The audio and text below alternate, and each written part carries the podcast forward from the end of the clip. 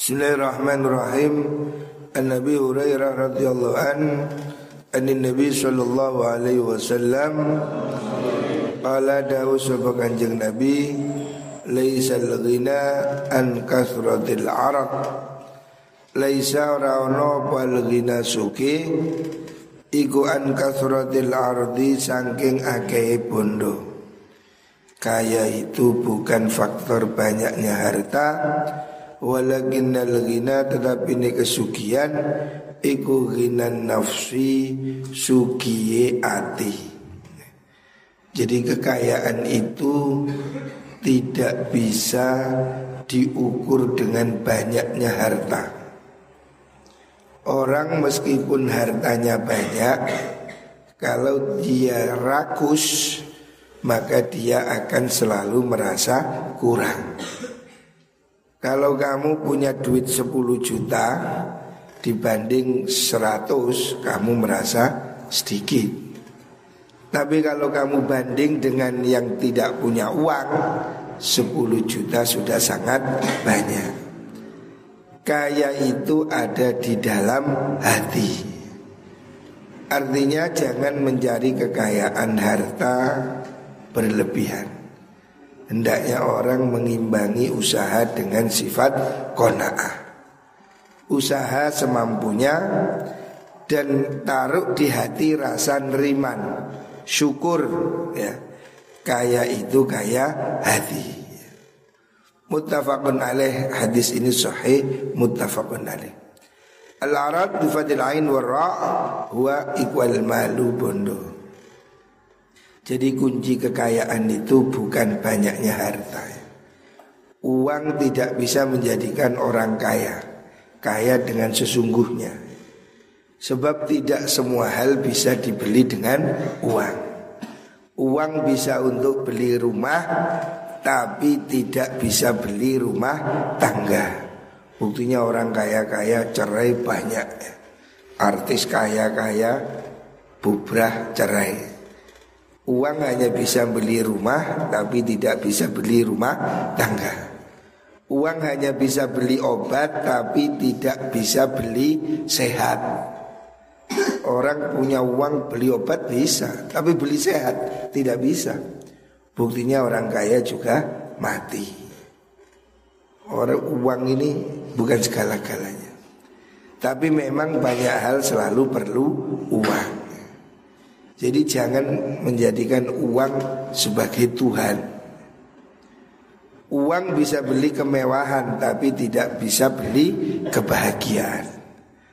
Orang walaupun duitnya banyak, kalau hatinya rakus, hatinya penuh dendam, dia tidak akan pernah merasa hidup bahagia. Jadi kaya yang sesungguhnya adalah kaya hati. Makanya hidup kona'ah, neriman, bersyukur Itulah kunci kaya yang sesungguhnya. Jangan kamu bandingkan hidupmu dengan orang lain. Semua orang punya rezeki sendiri-sendiri Belum tentu orang lebih kaya hatinya lebih bahagia. Kita ini menjadi sering tidak bahagia karena selalu membandingkan dengan milik orang lain. Karena kita selalu menghitung harga. Handphone harga 5 juta Dibanding yang 10 juta Ya jadi jelek. Coba kamu syukuri punya handphone Daripada tidak punya handphone. Cukup. Kenapa anak-anak kecil itu bahagia? Coba anak-anak kecil Dikasih mainan apa pun Bahagia. Anak umur setahun dua tahun itu Kamu kasih botol ya bahagia kamu kasih apa pun dia senang dia. Sebab dia tidak pernah tanya harganya Berapa harganya botol Tidak tahu. Makanya anak kecil itu senang Tuh kasih mainan kulit jeruk ya senang Tuh kasih mainan apa pun anak kecil itu senang Anak kecil umur setahun dua tahun itu Main botol Main kertas Bahagia dia. Sebab dia tidak tanya harganya Berapa harganya kertas Tidak tahu. Pokoknya ada kertas diulung-ulung Senang deh Itulah kuncinya bahagia. Dia tidak tahu harganya dan tidak tanya. Coba dia itu tanya harganya, nggak bahagia dia. Dan dia tidak membandingkan dengan milik orang lain. Anak kecil itu anak yang masih kecil ya, yang belum belum tahu harga. Diberi mainan apa pun senang. Dan dia tidak membandingkan dengan milik orang. Kamu beri kertas sama kamu beri handphone sama aja. Dia tidak tahu harganya kok. Jadi dia tidak membandingkan hidupnya dengan milik orang lain. Itu sebetulnya yang membuat anak-anak kecil itu bahagia. Anak-anak kecil tidak susah. Dikasih mainan apa pun senang. Sebab dia tidak tanya harganya dan dia tidak bandingkan dengan milik orang lain. Kamu juga akan bahagia kalau kamu tidak selalu membandingkan hidupmu dengan orang lain. Syukuri apa yang kamu miliki. Syukuri sehat ini nikmat. Ya. Akal sehat, pikiran sehat, tubuh sehat. Itulah kaya secara hati nurani. Wa an Abdullah bin Amr radhiyallahu an lan den riwayatkan sing Abdullah bin Amr radhiyallahu an anna Rasulullah sallallahu alaihi wasallam qala dawu sapa nabi qad aflaha man aslama qad aflaha teman-teman bejo. Sungguh berbahagia. Sapa man wong aslama kang manjing Islam sapa man waruzikolan dan rezeki sopeman kafafan ing kecukupan. Orang yang diberi Allah rezeki cukup Itu sudah kebahagiaan. Jadi kunci kebahagiaan Menurut Rasulullah SAW Yang pertama itu Agama Islam Bersyukurlah kita ini ditakdir menjadi orang Islam itu kebahagiaan. Apalah artinya dunia tanpa iman? Kalau kita ini masih diberi hati iman Islam, itulah indikator pertama.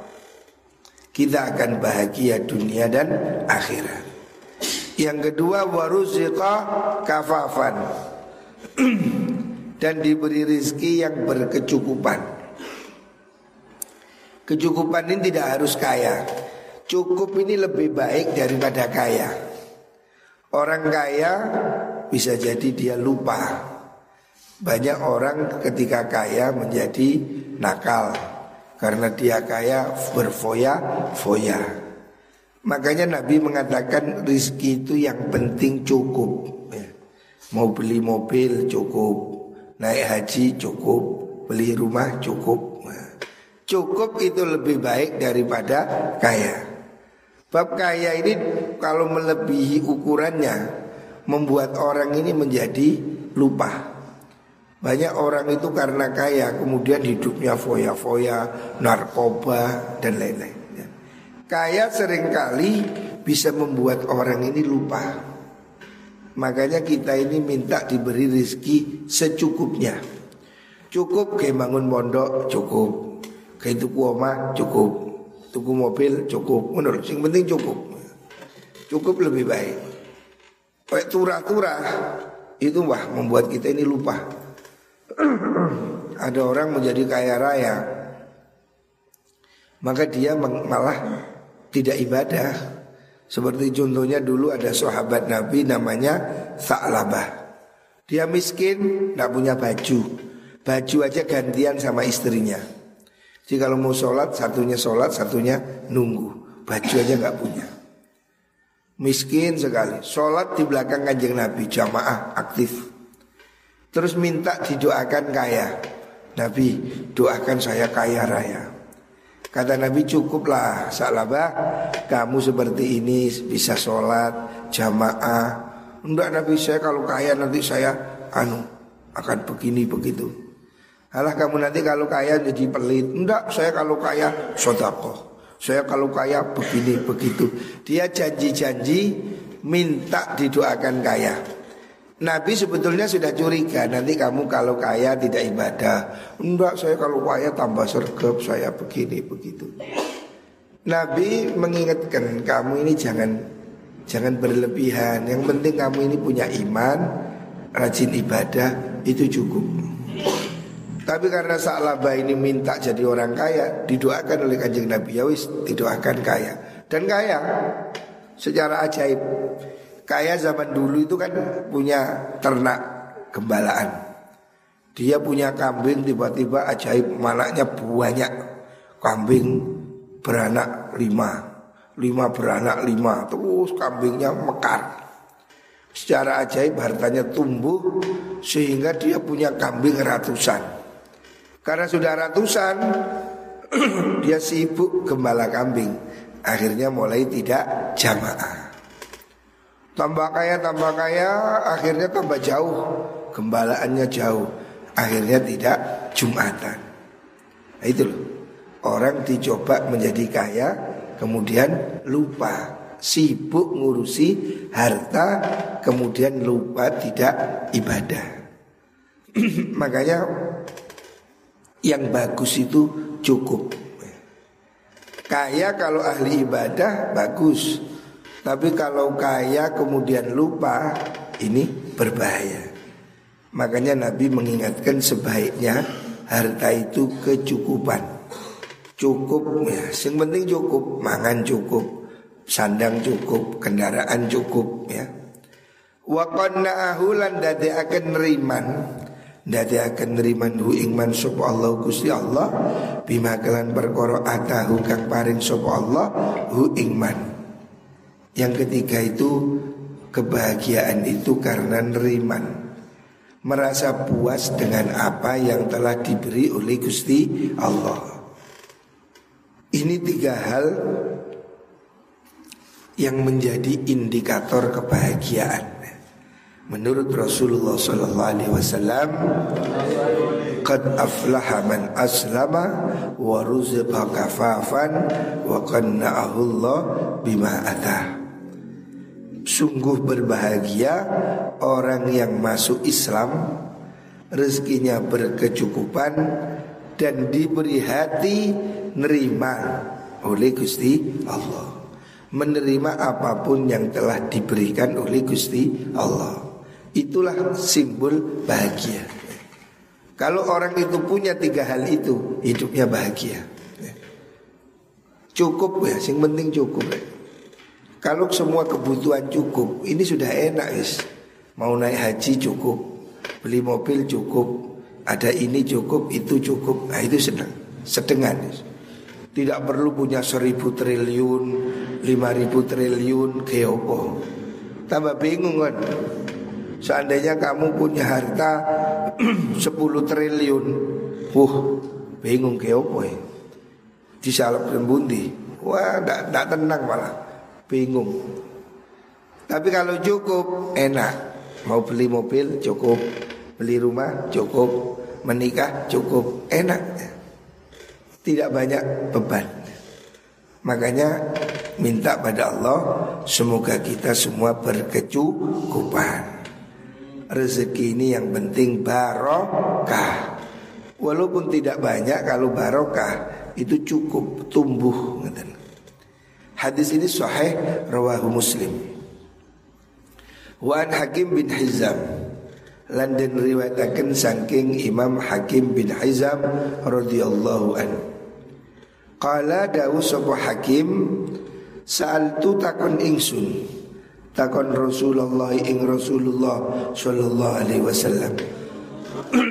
oh mboten-mboten takon iki njaluk Saal tu nyuwun ingsun Saya meminta Jadi Hakim bin Hizam Ini minta sesuatu pada kanjeng Nabi. Fa'atoni mongko paring sopo kanjeng Nabi Ni ing ingsun. Sahabat Hakim minta pada kanjeng Nabi Satu kebutuhan terus diberi. Suma tu nulin jaluk mana ingsun? Hu ing nabi Fa'atoni mongko paring sopo nabi ing ingsun. Minta lagi diberi lagi Memang kanjeng nabi itu orang yang dermawan Jadi ini sahabat namanya Hakim bin Hizam Dia itu suka minta pada kanjeng nabi Dan kanjeng nabi ini orang yang pemurah ada orang minta diberi. Hakim bin Hizam ini langganan. Kalau tidak punya apa-apa, minta sama kanjeng Nabi. Ya saja ini kudu santri jaluk nang kiai. Ini sahabat minta Nabi, Nabi minta anu Nabi. Ya dikasih. Besok lagi datang, minta lagi, dikasih lagi. Memang Nabi ini orang yang sangat dermawan. Summa tuh nuli dialog ingsun hu ing Kanjeng Nabi fa'atoni mongko paring sapa Kanjeng Nabi ni ing ingsun. Tiga kali berturut-turut dia minta diberi lagi. Jadi Kanjeng Nabi ini orang yang sangat dermawan. Orang ini minta diberi, minta lagi diberi lagi, minta lagi diberi lagi. Coba kita diminta tiga kali. Huh, jaluk langganan. Ki ngantuk ciwir. Iku ada ngantuk ciwir. Ini Nabi ndak, Nabi tidak tidak begitu. Ada orang minta diberi, minta lagi diberi lagi, minta lagi diberi lagi, sampai langganan. Sumakola nuli dawu sopo kanjeng Nabi. Baru setelah tiga kali Nabi dawuh Memberi nasihat. Ya Hakim Wahai Pak Hakim. Hakim ini nama orang? Inna hadal mala sutuni ikilah bondo Iku khodirun icu Icu rupane Artinya harta ini seperti buah yang hijau Hulwun kang manis Dunia ini penampilannya indah seperti anggur hijau manis ya. Dunia ini tampak menyenangkan. Dunia ini kelihatan hijau. Hijau itu sesuatu yang indah itu kan hijau, adem. Dan manis. Buah-buahan itu yang enak, buah yang manis. Nabi menggambarkan kehidupan dunia ini seperti buah-buahan yang hijau dan manis. Artinya dunia ini tampak seperti menyenangkan.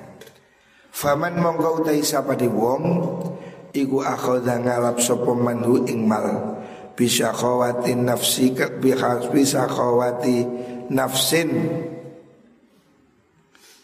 bisa khawati nafsin kelawan lomane ati Siapa orang mengambil harta dunia ini dengan napa sikap yang murah? Burika mongkoten berkai sopolahuman fihi ing dalem mal.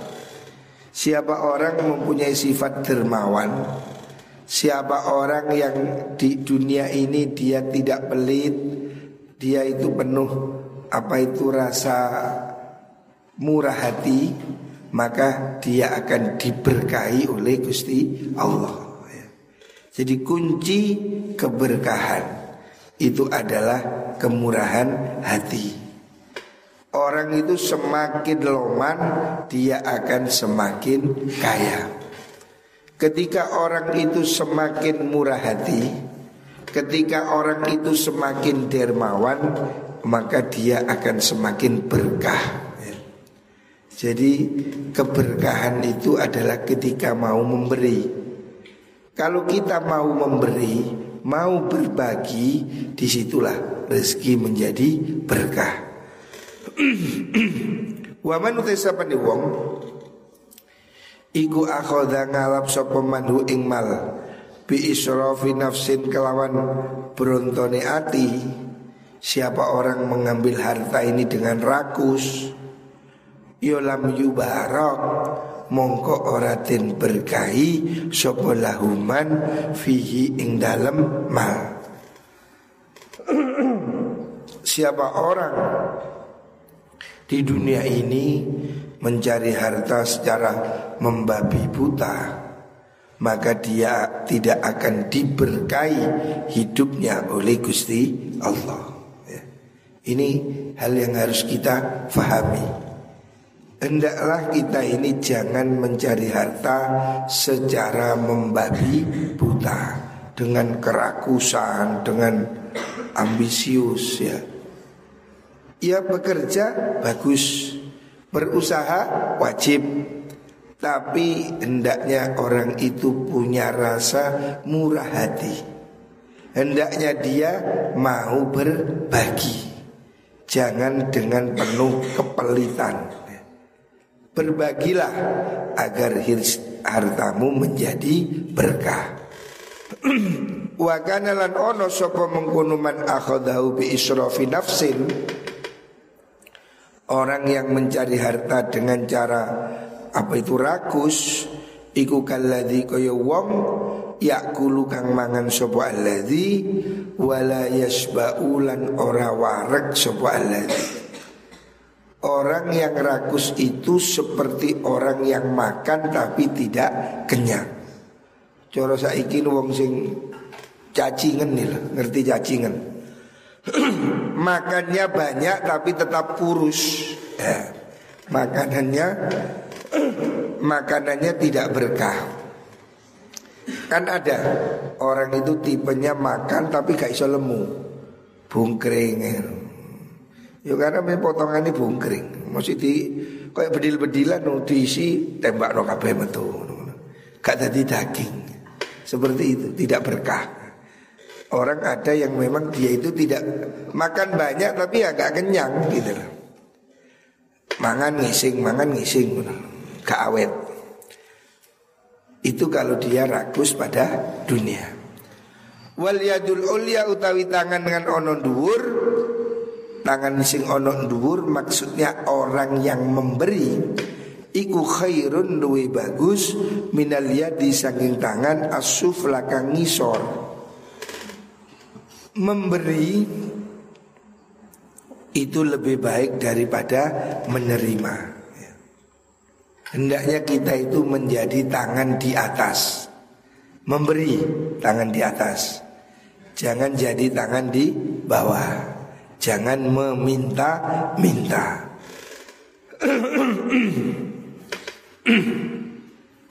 Kalau dawu sebuah hakimun imam hakim.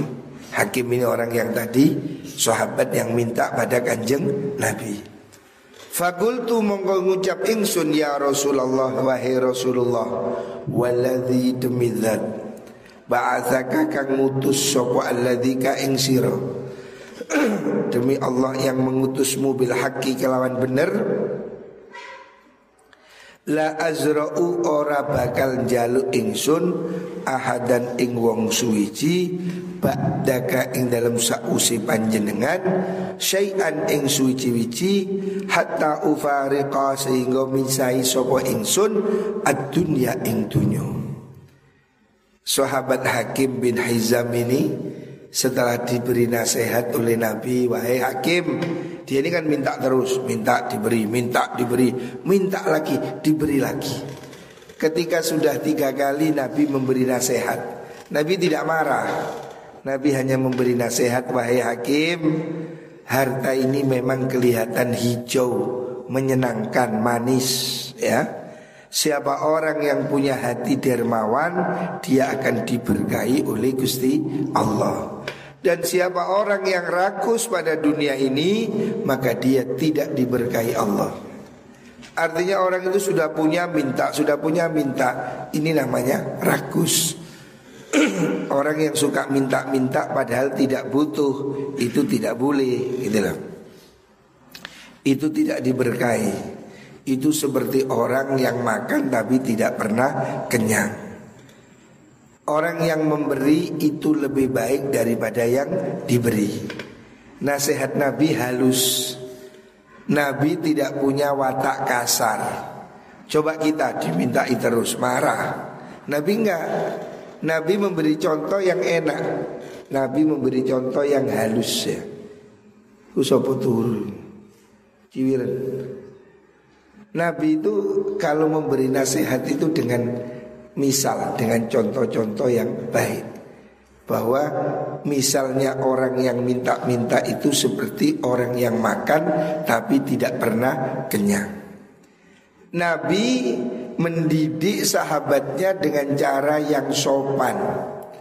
Nabi mendidik orang ini minta-minta, tidak dimaki, tidak dimarahi, tapi diberi contoh yang gampang tangan di atas lebih baik dari tangan yang di bawah. Sahabat hakim ini cerdas, ngerti. Oh minta-minta itu tidak baik. Makanya kemudian hakim mengatakan kanjeng Nabi saya berjanji mulai hari ini saya tidak akan minta-minta sampai saya mati. Hakim kemudian merasa malu. Ya sudah Nabi, mulai hari ini saya berjanji tidak akan meminta sampai saya mati. Jadi hakim ini nerima nasihat kanjeng Nabi karena Nabi memberi nasihatnya dengan baik. Fakana mengkono sapa Abu Bakar sahabat Abu Bakar radhiyallahu an iku yad'u mundang manggil sapa Abu Bakar hakiman ing Pak Hakim bin Hizam. Liyu'tiyahu supaya maringi sapa Kanjeng Nabi hu ing hakim al ata'a ing peparing. Suatu saat Abu Bakar memanggil sahabat Hizam ini yang sudah janji tidak mau minta dipanggil mau diberi sesuatu ba mongko nolak sopo hizam sopo mengkono hakim ayak bala ing yen to nrimo sapa hakim mindu saking Abu Bakar syai'an ing suci-wici Hakim bin Hizam janji tidak mau minta lagi. Hingga suatu saat dia dipanggil Abu Bakar Khalifah Mau diberi sesuatu Dia tidak mau. Enggak Saya sudah janji tidak mau minta-minta. Lu ini tidak minta? Enggak saya tidak mau jadi Hakim bin Hizam tidak mau menerima pemberian Abu Bakar karena dia takut ketagihan. Padahal ini tidak minta. Sebab dia sudah janji tidak minta-minta di depan kanjeng Nabi. Summa inna Umar nulis itu Sayyidina Umar radhiyallahu an Iku da'a ngundang sopo Sayyidina Umar Hu ing mengkono hakim Liyuktiyahu supaya paring Sopo Sayyidina Umar Hu ing hakim Yo fayak ba mongko nolak Fa'aba mongko nolak Sopo mengkono hakim Ayak balahu ing yento nerimo Sopo hakim Hu ing atok Suatu saat kemudian di era Sayyidina Umar hakim dipanggil oleh Sayyidina Umar diberi juga nggak mau. Jadi betul-betul sahabat hakim ini mendengarkan nasihat kanjeng Nabi. Dia berjanji tidak minta-minta dan dia ingin memberi tidak menerima. Dia mendengar nasihat Nabi tangan di atas lebih baik daripada tangan di bawah. Makanya kemudian ketika zaman sahabat Abu Bakar Hakim ini dipanggil dikasih uang nggak mau. Zaman Sayyidina Umar dipanggil lagi dikasih tidak mau. Sebab dia kepingin memberi tidak kepingin menerima. Sebab hakim ini ingin yadul ulya tangan di atas. Makanya dia diberi nggak mau. Ya.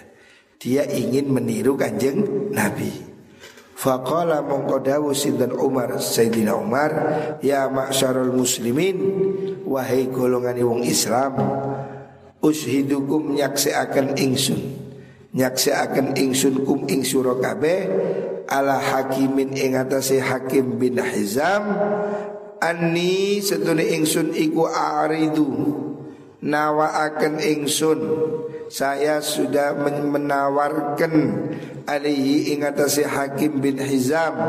Haqqahu ing hake Hakim bin Hizam. Alladzi qasama kang bakihu ing hak sop Allah Allah lahu mari hakim min hadzal fai'i sanging ikilah bondo fai harta jarahan harta rampasan perang fayak ba mongko nolak sapa hakim ayak khudahu ing yen ngalap sapa hakim hu ing hak Falam yazra mongko ora gelem jaluk. Tidak pernah meminta-minta sopo hakimun Hakim bin Hizam. Ahadan ing wong suiji Minan nasi kang tetep sangking menungso Ba'dan Nabi sa'usai Nabi Muhammad Sallallahu alaihi wasallam.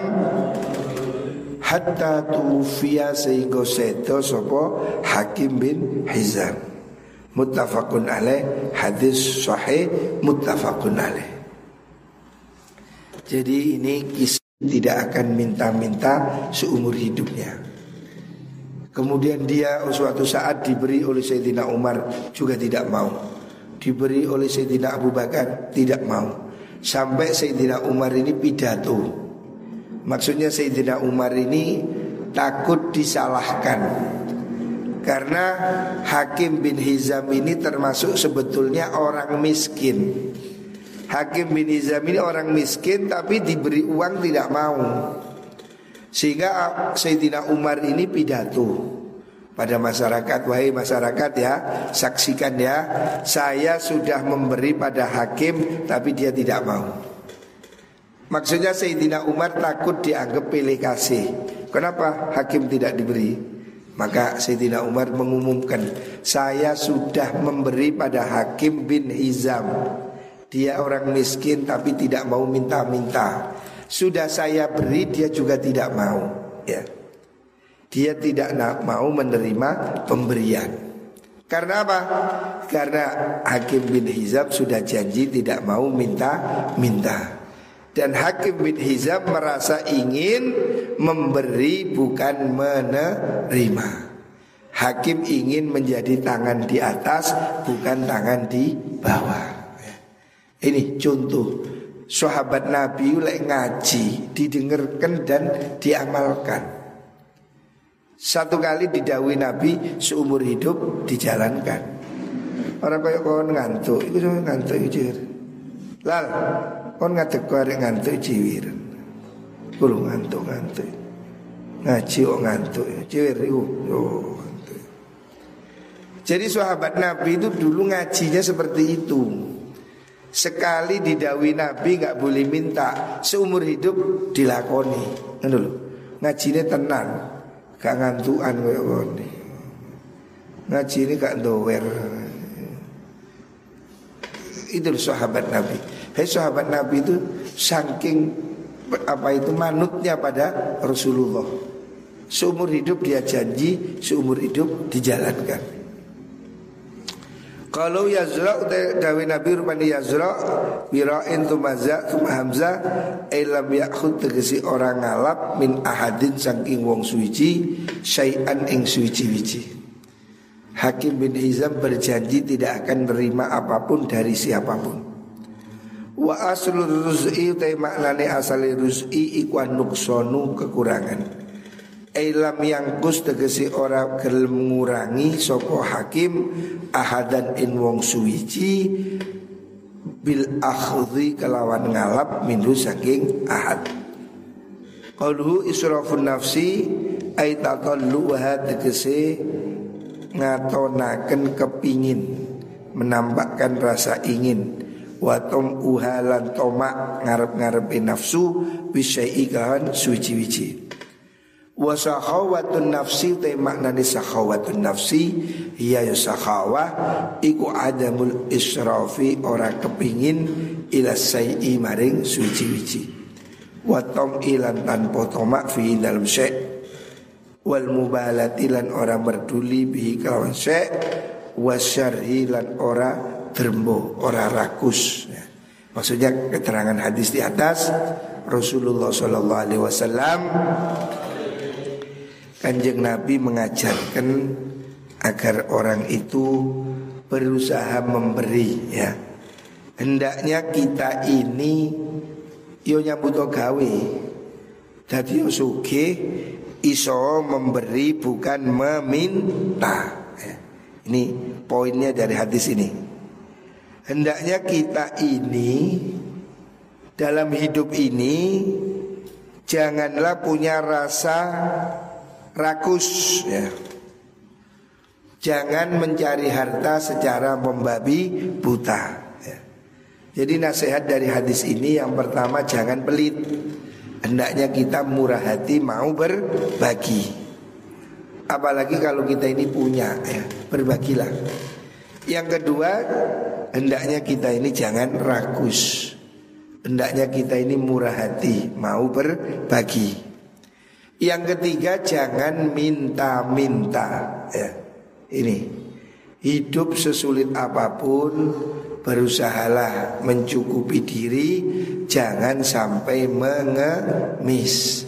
Mengemis minta-minta itu jelek ya. Hendaknya semua orang itu berusaha mencukupi kebutuhan hidupnya. Jangan sampai dia meminta-minta. Kecuali kalau darurat. Ya memang kamu betul-betul kepepet.